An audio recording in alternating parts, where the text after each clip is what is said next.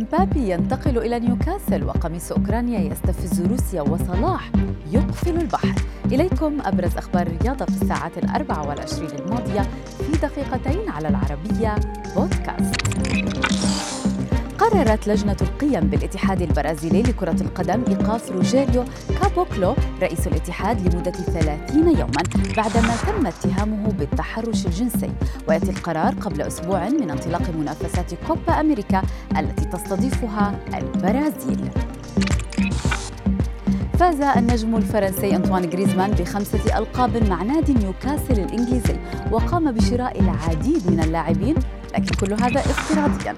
غريزمان الذي يقضي وقته بين الرحلات مع منتخب فرنسا وهو يقوم بالصفقات الإلكترونية من أجل فريقه في لعبة الفيديو شرح مهاراته لزملائه ديمبلي ومبابي في الطائرة. كما أنه فاجأ مبابي بأنه اشتراه بالفعل لفريقه الجديد مقابل 134 مليون جنيه استرليني. لكن مبابي اعترض لأن الجو في نيوكاسل ليس دافئا على حد تعبيره.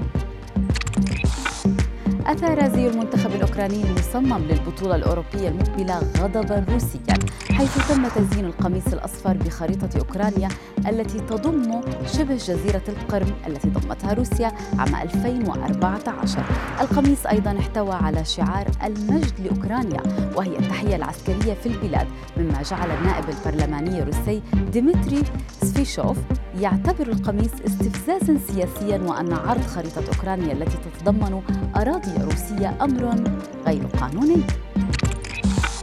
يبدو أن البحر مقفل من أجل محمد صلاح أو هكذا يرى أحمد حسن. كوكا صلاح ينشر يوميا على حسابه هذه الفترة صورا من شواطئ الغردقة حيث يقضي إجازته الصيفية. نجم ليفربول ظهر في إحدى الصور منفردا بالشاطئ مما دعا صديقه كوكا يعلق يا ابني قافلين البحر علشانك قول لهم يفتحوه مش كده الناس عايزة تعوم.